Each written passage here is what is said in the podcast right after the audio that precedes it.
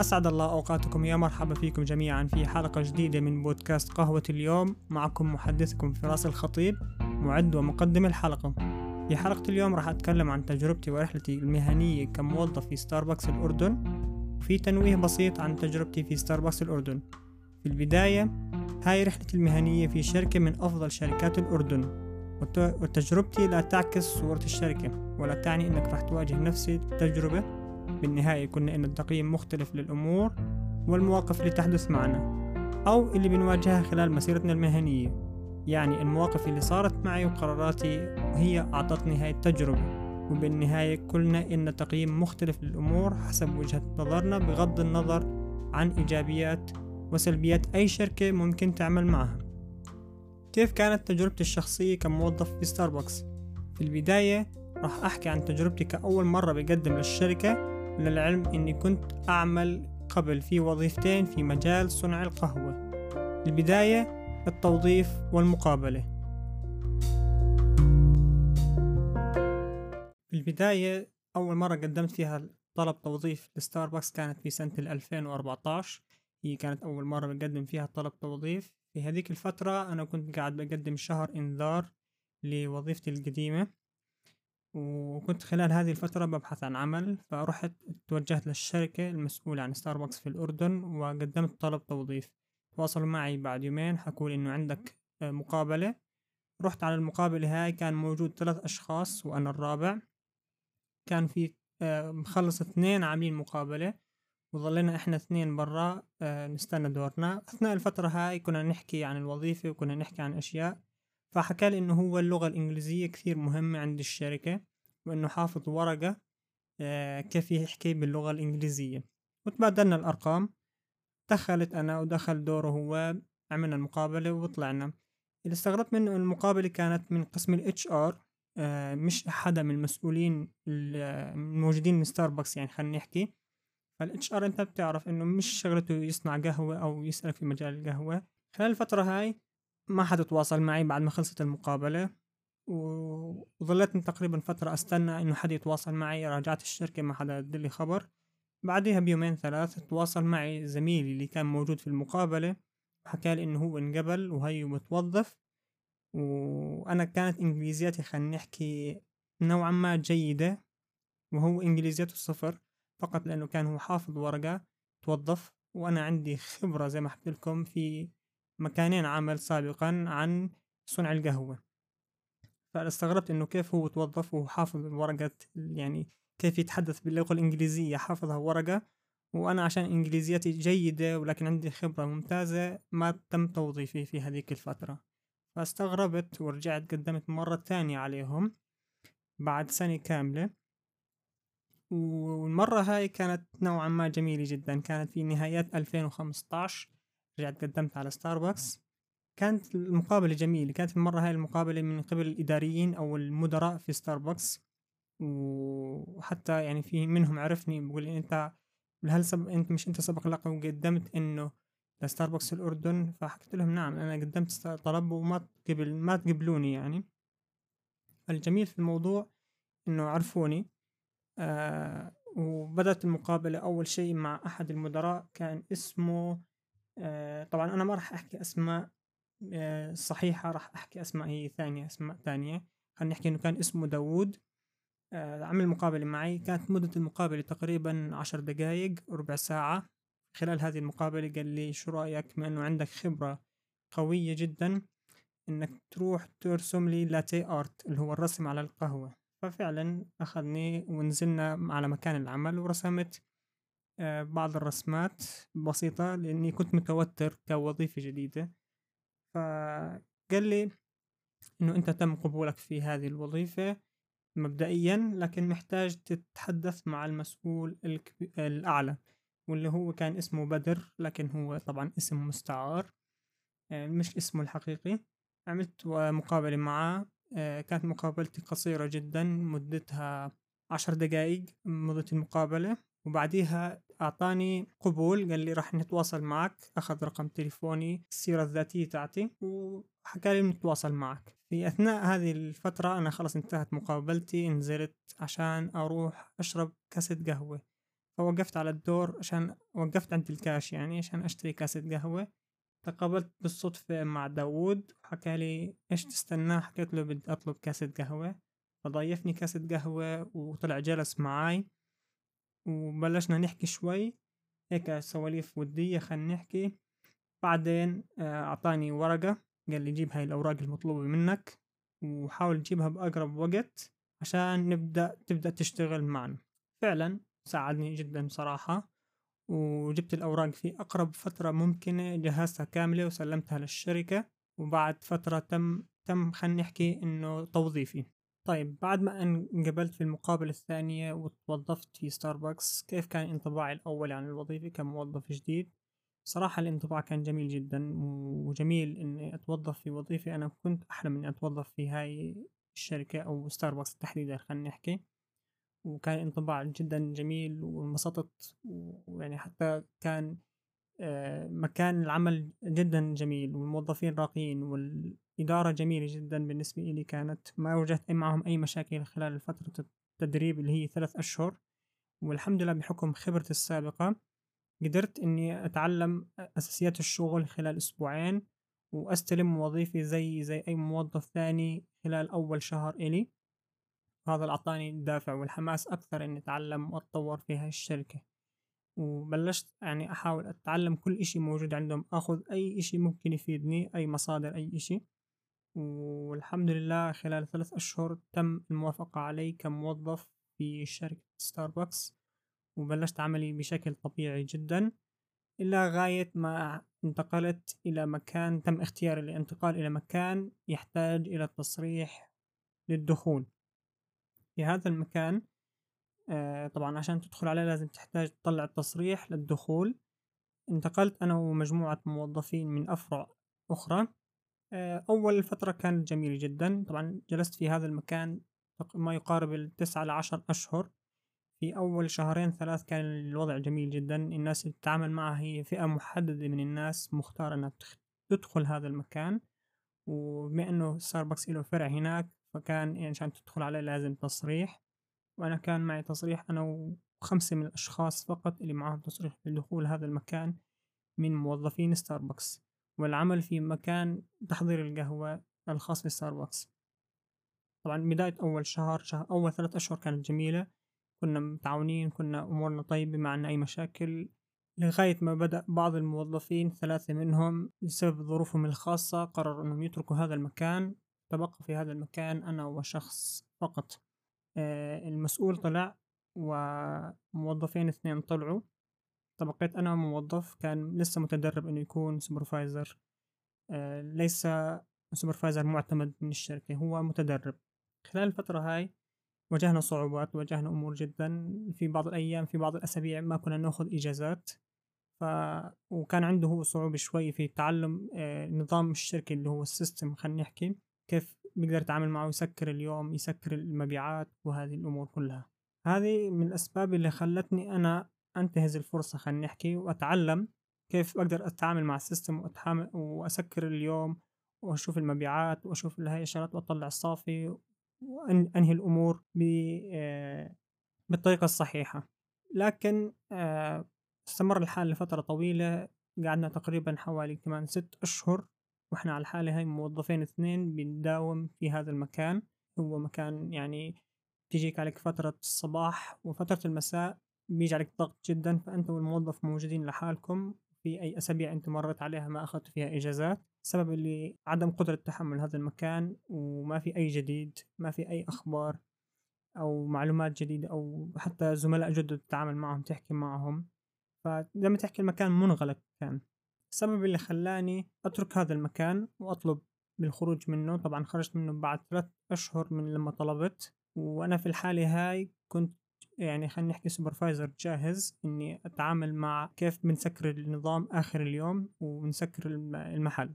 فطلبت نقل بعد ثلاث أشهر تم نقلي بعد ما طلعوا تصريح لشخصين آخرين ورجعت لمكاني الأصلي اللي هو الفرع الرئيسي أول فرع توظفت فيه. أنا رجعت الفرع هناك على أساس إني أنا آه، أبدأ أكمل تدريب ك supervisor على الأمور الأخرى غير نظام ال system. فخلينا نحكي لكن استغربت إنهم حكوا لي حكى لي الإداري قال لي إنه كان الإدارة هناك شوي مختلف متغيرة بعد فترة تقريبا عشرة أشهر تم تغيير الإدارة الموجودة بالفرع هذاك وفتح أفرع جديدة. حكوا لي إنه ما حاليا إحنا ليس بحاجة ل supervisor لكن نخليك على الاحتياط في حال احتجنا؟ أنت أول شخص راح نحط نعمل حسابك في هذا الموضوع. لكن استغربت إنه تم آه، بعد فترة نقلي لحالة طارئة في أحد الافرع آه، موظفين كانوا يعني تاركين العمل. فانتقلت إني أغطي مكانهم إحنا بنسميها support أو آه، مساعدة الافرع في نقص موظفين بنروح بنغطي مكانهم. انتقلت لمدة أسبوعين. ولما رجعت لفرعي مرة ثانية اكتشفت إنه في هناك supervisor جديد وتم توظيف ثلاث موظفين جداد تم نقلهم إلى الفرع اللي كنت أنا رايح عليه support هنا أنا شوي آه، حسيت في ال... زي ما تحكي شعور إنه مضايقة إنه ليش صار هيك الموضوع؟ أنا كان على أساس إنه أنا أكون supervisor آه، أو تحت خطة تدريب supervisor لكن ما تمت الأمور بهذا الشكل. أتمت عملي بشكل طبيعي مع إني كنت متأثر ومستاء من الموضوع لكن بعد هذا الظروف اضطريت إني احاول أطور من حالي أكثر. أعطتني سبب إني أطور من حالي أكثر. هذه فترتها يعني. وحاولت أتطور أتعلم أكثر أكون موظف آه، ملتزم آه، ما عنده أي مشاكل مع أي أحد. بالفترة هاي آه، كنت أنا موظف موجود في الفرع لكن زي ما تقول مهمش. لا ما في أي جديد عندي. وبالفترة هاي طبعا آه، زاد استيائي للموضوع ما حدا بيطلع علي. أنا بحاول أنجز بحاول أتعلم بحاول أتطور لكن ما حدا بيطلع علي. ظليت زي ما أنا ما عملت أي إشي جديد. كل اللي أنا بقدر أتعلمه تعلمت كل مسموح لي أستخدم مصادر أي إشي استغلتها لكن ما ظل إشي جديد غير إني أتابع وظيفتي بشكل الطبيعي. طبعا ظليت في مكان العمل لمدة سنتين ونص وأنا على حالي هاي وحسيت في الموضوع إنه أصبح سلبي جدا مش قاعد بتطور مش قاعد بستفيد أي إشي. وبالعكس الأمور أصبحت سيئة وحسيت إنه المكان اللي أنا بداوم فيه بعطيني طاقة سلبية وأصبحت المشاكل تصير معي سواء مع الإدارة أو مع الزبائن. فطلبت نقل من هذا المكان حتى أكون عندي بداية جديدة. ولكن للأسف المكان اللي انتقلت عليه برضو كان سيء جدا والموظفين أسوأ والإدارة سيئة وما قدرت أتحمل أضل فيه ومدير واللي كان هناك موجود اسمه يزيد آه، ما كان متعاون معي جدا وكان يقول لي إنه فترة وراح تعدي وإنه هاي إشي طبيعي لكن المشاكل كانت قاعد بتصير في هذا المكان. فما تحملت تقريبا مدة ست أشهر في هذا المكان وطلبت نقل وتم نقلي بعد ثلاث أشهر من هذا المكان. انتقلت على مكان جديد. طبعا أنا حاول أختصر القصة قد ما بقدر وما بديش أطول عليكم. انتقلت لمكان جديد. في هذاك الفترة مكان أقرب إلى مكان بيتي. من هون بلشت بداية جديدة. كانت الإدارة هناك متعاونة. الموظفين آه، عددهم قليل جدا. فبدأت بداية جديدة طبعا وأخذت آه، شهادة تقدير في عدة أمور. والحمد لله تحسن وضعي خلينا نحكي. بهذه الفترة يعني كنت أتميت تقريبا ثلاث سنوات في الشركة أو ثلاث سنوات ونص في الشركة. وبلشت بداية جديدة وبلشت أتحسن بلشت أتعلم أشياء جديدة بلشت الإدارة الموجودة هناك تساعدني وتقول لي إنه أنت إنسان تقدر تعطي تقدر تسوي تقدر تنجز. الحمد لله بعد فترة جانا مدير جديد اسمه خالد. المدير هذا كنت أحبه وأتعامل معه سابقا. تم ترقيته إلى منصب مدير. المدير هذا كان يعرفني وكان يتعامل معي سابقا. وكان يعني حسيت من كلامه شاعر بأنه أنا قديش كنت مظلوم في الفترة اللي كنت موجود فيها آه، في الفرع الرئيسي هو كان هناك موجود مساعد مدير. هذا المدير تحدث معي وقال لي إنه إيش رأيك تيجي تداوم؟ آه، كان أنا يوم إجازتي أنا ما كنت عارف إنه هو جاي عنا يعني على الفرع اللي أنا موجود فيه. طبعا رحت داومت لما عرفت إنه موجود هناك انبسطت جدا جلس معي تحدث معي بعدها قال لي أنت آه راح أبلش معك تدريب ل shift supervisor أو supervisor والحمد لله مشي معي ساعدني خطوة بخطوة وأنجزت الكثير من الأشياء وبلشت أقدم أطور وأتعلم وأعلم الموظفين. طبعا بعد ما قدمت المساعدة للموظفين وحاولت أساعدهم وأتقرب منهم الفترة هاي آه أيضا كمان حاولت أستغل خبرتي في مجال الكمبيوتر وتحديدا ال Excel وقدمت بعض الأوراق اللي تساعد على تحسين المبيعات.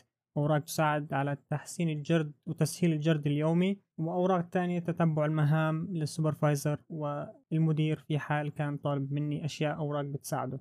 الحمد لله تم آه، تقديم باسمي لعمل مقابلة shift supervisor. المقابلة هاي بتقيم الموظف هل هو يصلح أن يكون shift supervisor أو لا. والحمد لله نجحت في المقابلة ودخلت في برنامج تدريب ال shift supervisor ومدته ثلاث أشهر. خلال الثلاث أشهر هاي أنا ما راح أقول لك أنا كنت ملتزم مية بالمية في هذا البرنامج تأخرت في بعض الأمور ولكن الحمد لله نجحت فيه. كان المفروض إنه بعد الثلاث أشهر هاي أكون عندي آه، أو مستلم نحكي promotion تاع shift supervisor. لكن بسبب مدير اسمه أشرف طبعا زي ما حكيت لكم أشرف هو اسم مستعار وليس اسمه الحقيقي وجميع الأسماء اللي أعطيتكم إياها. لو تروح على ستاربكس الأردن ما راح تلاقوا أي إداري بهاي الأسماء.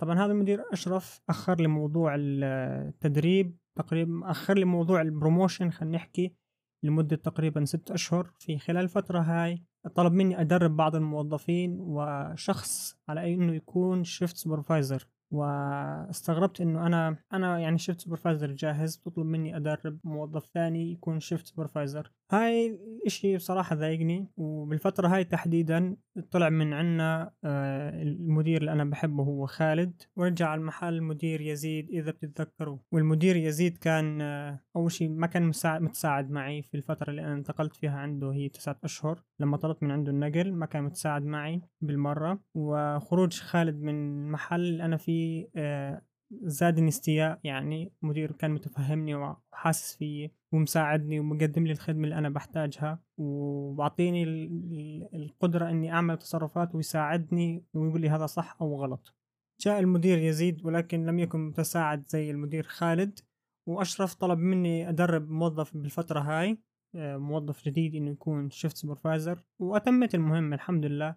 ساعدته جدا في كثير أمور وإنه يكون كيف يتعامل مع الأمور المطلوبة منه ك shift supervisor. نجح الحمد لله في المقابلة ونجح في برنامج التدريب مدته ثلاث أشهر. أنا للآن لم أحصل على promotion أو عقد عمل supervisor. يعني صار لي تقريبا خلينا نحكي عشرة أشهر وأنا لساتني متدرب shift supervisor ولم أحصل على أي شيء بيثبت إني أنا supervisor ما عدا الكلام اللي بيحكوه. أنا لساتني متدرب. بالفترة هاي يعني ظلتني مستمر على حالي. المفروض إنه ينزل لي عقد عمل shift supervisor وما كان ما نزل لي. بعديها بسنة ونصف كمان أنا على حالي هاي لسه ما تغيرت. الموظف اللي أنا دربته يكون shift supervisor نزل له عقد shift supervisor وأنا لا. طبعا أنا استأت من الأمور جدا. بلشت الأمور ترجع لسلبيتها مش لإيجابيتها. فقررت إني أطلب نقل مبدئيا لكن ما حدا ساعدني فيه وظلتني كمان سنة ونص وأنا بطلب بس نقل من الفرع اللي أنا فيه عشان أحاول أبدأ بداية جديدة أغير لكن ما حدا ساعدني وتحديدا أشرف ما ساعدني بأي شيء فكان زي ما بتحكي يعطي كلام مخدر هو زي كلام يعني تحفيز مؤقت بعدها أو وعود مؤقتة ولكن ما ما ينفذ منها أي شيء فحسيت حالتي إنه خلاص بطل إلي نفس أداوم في هذا المكان بطل إلي طاقة إيجابية زي الأول مع مديري خالد. بطلت حاب أعطي بطلت حاب أنجز. والأساء الأمور أكثر إنه أشرف مش قاعد بيساعدني.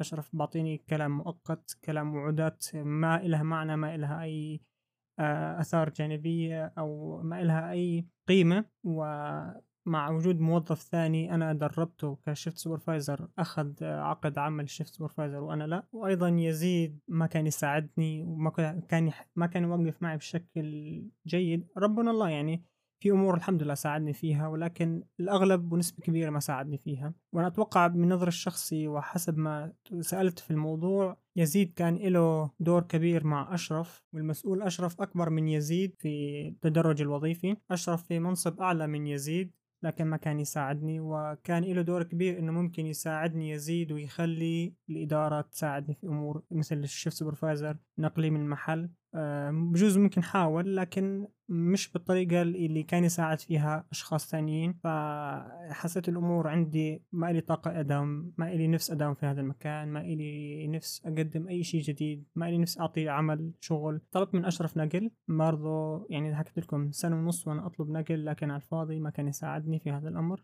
آخر إشي بعد سنة ونص نقلني إلى مكان جد عمل جديد لكن بسبب سوء الظروف اللي أنا كنت فيها والحالة النفسية برضو ما قدرت إني أعطي. أصبحت أتميت في هذه الشركة تقريبا قرابة الست سنوات وبطل النفس أعطي أي شيء جديد. رجعت كموظف عادي طلبت مني إني أرجع موظف عادي وليس متدرب shift supervisor. في هذه الفترة آه، تم نقلي إلى مكان عمل آخر بسبب مشاكل. تم نقلي هناك المكان اللي كنت أحب العمل فيه وطلعت من ستاربكس فحاب أحكي الآن عن إيجابيات وسلبيات ستاربكس طيب إيجابيات وسلبيات ستاربكس راح أحكيها كلها بشكل عام آه، ما راح أحدد إشي بالتحديد ولا راح أحكي إيجابيات وسلبيات لكن خلال الحكي راح أحكيها إيجابية وهي سلبية. مبدئيا آه، نظام التوظيف عندهم جميل جدا وخصوصا بعد الفترة اللي أنا توظفت فيها تحسن كثير ورواتبهم عالية. آه، أو مش بدناش نحكي إنها عالية لكن هي الأفضل في السوق حاليا. وأيضا كمان آه، إيجابية تانية بالنسبة لستاربكس إنه في خطة عمل تشتغل عليها واضحة. لكل مك... لكل مهنة أنت بتقدمها مطلوبة منك فمش محتاج إنك أنت تعرف كيف المهنة هي ممكن تنجزها. في أوراق ومراجع تقدر توصل لها والأوراق والمراجع كمان أيضا من آه، خلال السنوات اللي راحت آه، وثقوها كلها أونلاين. صار تقدر توصلها في أي وقت بدك إياه. هذا الاشي بيساعد إنه الموظف في حال كان عنده مهمة وشغلة ممكن يوصل لها في أي وقت. حتى لو كان مثلا في البيت نسي كيف المهمة هي بتنجز ممكن يتذكرها من خلال موقعهم التدريب وأيضا كمان بعض الأمور تنجزها عن طريق هذا الموقع. هو موقع تعليمي وموقع تقديم امتحانات بسيطة بتذكر بتذكر الموظف في طريقة العمل بتذكر الموظف في أشياء كثير جميلة. فممكن يبعثوا لك هيك امتحان بسيط مدته عشر دقائق ربع ساعة بالكثير. تقدم الامتحان هذا الامتحان بفيدك إنه تتذكر تراجع معلوماتك. آه ممكن هذا الامتحان يطورك. ممكن بعض الأمور كمان في بعض الكورسات اللي بيقدموا لك إياها على الموقع هذا كيف تنجز مهام معينة ما لها ممكن علاقة بالشغل. أيضا من الشغلات الجميلة اللي حبيتها بستاربكس آه طريقة التدرج الوظيفي كيف تتطور واضحة. لأي موظف بالعادة بعض الشركات آه، طريقة التطور الوظيفي مش واضحة غير بتكون غير للمدير أو المسؤول عن التطوير الوظيفي. فأي موظف حاب يتطور في عنده لائحة موجود عليها الخطوات اللي يمشي عليها ويتطور. لكن السلبية في هاي الشيء إنه بيعتمد بشكل كبير على مديرك وبيعتمد على تقييمك السنوي. آه، إذا كان مديرك ممكن خلينا نحكي حابك وشايف إنه فيك إنك تطبق هاي الأشياء بالشكل الصحيح أو من وجهة نظره فممكن يمشي معك بالخطوات هاي وتبلش تتطور وظيفيا. ومش مخفية هاي زي ما حكيت لكم الأوراق عن أي حدا يقدر أي موظف يوصل لها ويتطور من وظيفة من درجة لدرجة ثانية بكل سهولة لكن برجع الأمور للإدارة وهي سلبية آه، خصوصا إذا كان مديرك الأعلى منك ما بده إياك أو مش حابك أو مش حاب يساعدك كثير خلينا نحكي. فهي سلبية برأيي إنه مدام أنا عارف الخطوة اللي أنا لازم أمشي عليها وأتطور فيها وأنا أصلح بنظركم ليش مديري مش حابب يساعدني ممكن هيك ناخذها الفكرة آه، أيضا كمان من السلبيات اللي شفتها في ستاربكس إنه إذا عندك طريقة واضحة آه، أو طريقة تمشي عليها تحسن من عمل الشغل مش دائما بتقبلوها لسبب إنه بقول لك هذا نظام عالمي ما بتغير فيه أنت بيوم وليلة هم أخذوا فيه سنين. فحتى لو فكرتك صحيحة إحنا ما بنقدر نطبقها. في شغلة حلوة إذا كانت الشغلة على مستوى بسيط آه، شغلات بسيطة ممكن يتقبلوها منك. أكثر من هيك ما راح يتقبلوها وممكن ما يأخذوها فيها. أكثر من هيك ممكن ما يتقبلوها بقول لك إنه هذا نظام عالمي محتاج إنه يكون طريقة العمل هون متواجدة في كل مكان نفسها ما بتختلف فيها أي شيء لكن تجربتي أنا لما قدمت بعض الأوراق بتساعد على تحسين المبيعات تحسين الجرد في بعض الأمور البسيطة أه تقبلوها لأنها محلية خلينا نحكي نقدر نستعملها محلي لنا شخصيا باعتبارها أوراق مساعدة شخصية. لكن السلبية برأيي في الموضوع هون هي نظام المكافآت هو نظام جميل جدا موجود في الشركة لكن الأوراق اللي أنا قدمتها ما أخذت عليها أي شيء فقط شكرا يعطيك العافية. فالشيء بالنسبة لي كان محزن إني أنا أقدم أوراق بتساعد وبتسهل المهام الشخصية أو المهام اليومية في ضمن نطاق العمل وما أخذ عليها أي شيء ولا حتى يعني بس فقط اللي أخذته شكرا يعطيك العافية. مع أنه بإمكانه آه، أشرف يرفع هاي الأوراق وأخذ عليها آه، مكافآت مادية أو مكافآت آه، تقديرية خلينا نحكي. لكن بأنه الإجراءات بتأخذ وقت طويل على حسب ما وصلني فما حدا ساعدني في الموضوع هذا مع إنه بعض الأوراق أنا أخذت مني أو بعض الجداول أخذت مني وقت لإني أنجزها ولكن بدون أي فائدة. وبسبب إنه موضوع إنه تأخذ مكافآت على هاي الموضوع باخذ وقت فما أتوقع إنه يدوب يمشي اموره الشخصية وأمور الإدارة بشكل عام. هذا من رأيي الشخصي طبعا. و مش مستعد إنه يمكن يمشي في إجراءات تانية أطول لمكافآت زي هيك. أخذت بعض المكافآت أنا طبعا لا أنكر وأخذت بعض التقديرات وفي أحد المكافآت اللي أخذتها مادية أنا ما بعرف وين راحت ما استلمتها هي عبارة عن بطاقة فيها مبلغ رصيد معين لكن ما أخذت البطاقة هاي. أعطوني بدالها خلينا نحكي مكافأة من ضمن المحل لكن مكافأة من ضمن المحل كتكلفة هي أقل بكثير من المكافأة اللي أنا كنت مأخذها. فنظام غريب ولكنه جميل موجود في مكافآت لكن كيف تحصل عليها؟ كيف تأخذها؟ هاي بترجع لمديرك وكيف ممكن يحسب لك إياها وكيف هل هو مستعد إنه يمشي لك في إجراءات إنك تحصل على المكافأة سواء تقديرية شهادة أو شغلة أو مكافاه مادية. في إيجابية وسلبية تانية ممكن تكون حسب الفرع اللي أنت فيه الموظفين الموجودين حواليك والفريق العمل كامل خلينا نحكي. ممكن يكون متساعد ومتعاون معك حتى في أمورك الشخصية ومشاكلك برا المحل وممكن الفريق هذا يكون هو ضدك تماما وغير متساعد معك بالمرة. فعادي جدا إنك تكون في بيئة عمل في أحد الأفرع الفريق معك متساعد ومتعاون ومقدر ظروفك ومساعدوك بحاولوا إنه يكونوا معك في الكبيرة والصغيرة. في افرع تاني ممكن الموظفين يكونوا ضدك فبتلاحظ إنه في موجود عصابات بين الموظفين خلينا نحكي أو مجموعات بالمعنى الأصح. فبتلاقي إنه كل ثلاث أربع موظفين هم عاملين مجموعة لحالهم بيتفقوا مع بعض بيمشوا أمورهم مع بعض وبيخربوا على الموظفين الثانيين وفي افرع تاني ممكن تلاقيها كلها team واحد كلها بتشتغل بإيد واحدة. فعلى حسب الفرع اللي انت فيه ممكن تلاقي إيجابية وممكن تلاقي هاي الإشي سلبي. آه في كمان شغلة حاب أحكي عنها في تقديرات بسيطة بعطوها اللي هي خلينا نحكي thank you ورقة thank you card حلو الورقة لكن كثرتها بصراحة مع الوقت يعني تأخذ لك أربعة خمسة عشرة في موظفين وصلت 30 ورقة إنه يأخذ. طيب أنت الموظف هاي بتعطيه الورقة هاي ممكن أول مرة يفرح فيها ثاني مرة يفرح فيها عشر مرة يفرح فيها. بعدين الورقة هاي بتبطل لها معنى بتبطل لها قيمة خصوصا لما أنا مثلا لما أجي أقدم على شركات ثانية وارجيهم الورقة هاي بقول هاي لا تعتبر شهادة. رسمية إنك أنت إنجزت المهمة الفلانية أو قدمت الأداء المطلوب منك بغض النظر لأنها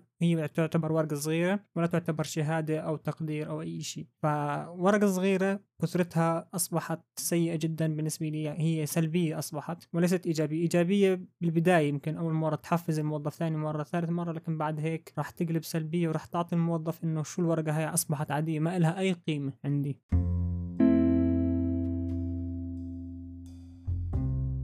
فبس هاي هي كانت الإيجابيات والسلبيات بنظري الشخصي وليست هي حكم أو واقع على ستاربكس بالنهاية أنا حبيت أشارككم تجربتي مع ستاربكس كموظف وليست هو هذا واقع الشركة. ممكن تجربتك أنت أكيد راح تختلف عن تجربتي قراراتك راح تختلف أسلوب تعاملك مع الإدارة والموظفين راح يختلف عن أسلوبي. كل النهاية كل واحد له وجهة نظر كيف يتعامل مع الإدارة وموقف اللي بصير معه خلال لحظتها. شكرا على استماعكم لبودكاست قهوة اليوم على جميع المنصات. هاي كانت حلقة اليوم. بتمنى تكون نالت على استحسانكم. وجدت منها فائدة. وإذا عندك ملاحظة بخصوص موضوع اليوم ممكن تطرحه علي ورح نتناقش فيه. وأيضا إذا في موضوع حابين نحكي فيه الحلقة القادمة في البودكاست بتشرفونا على حساباتي في منصات التواصل الاجتماعي آت فراس اتش underscore ar كان معكم فراس الخطيب. في أمان الله.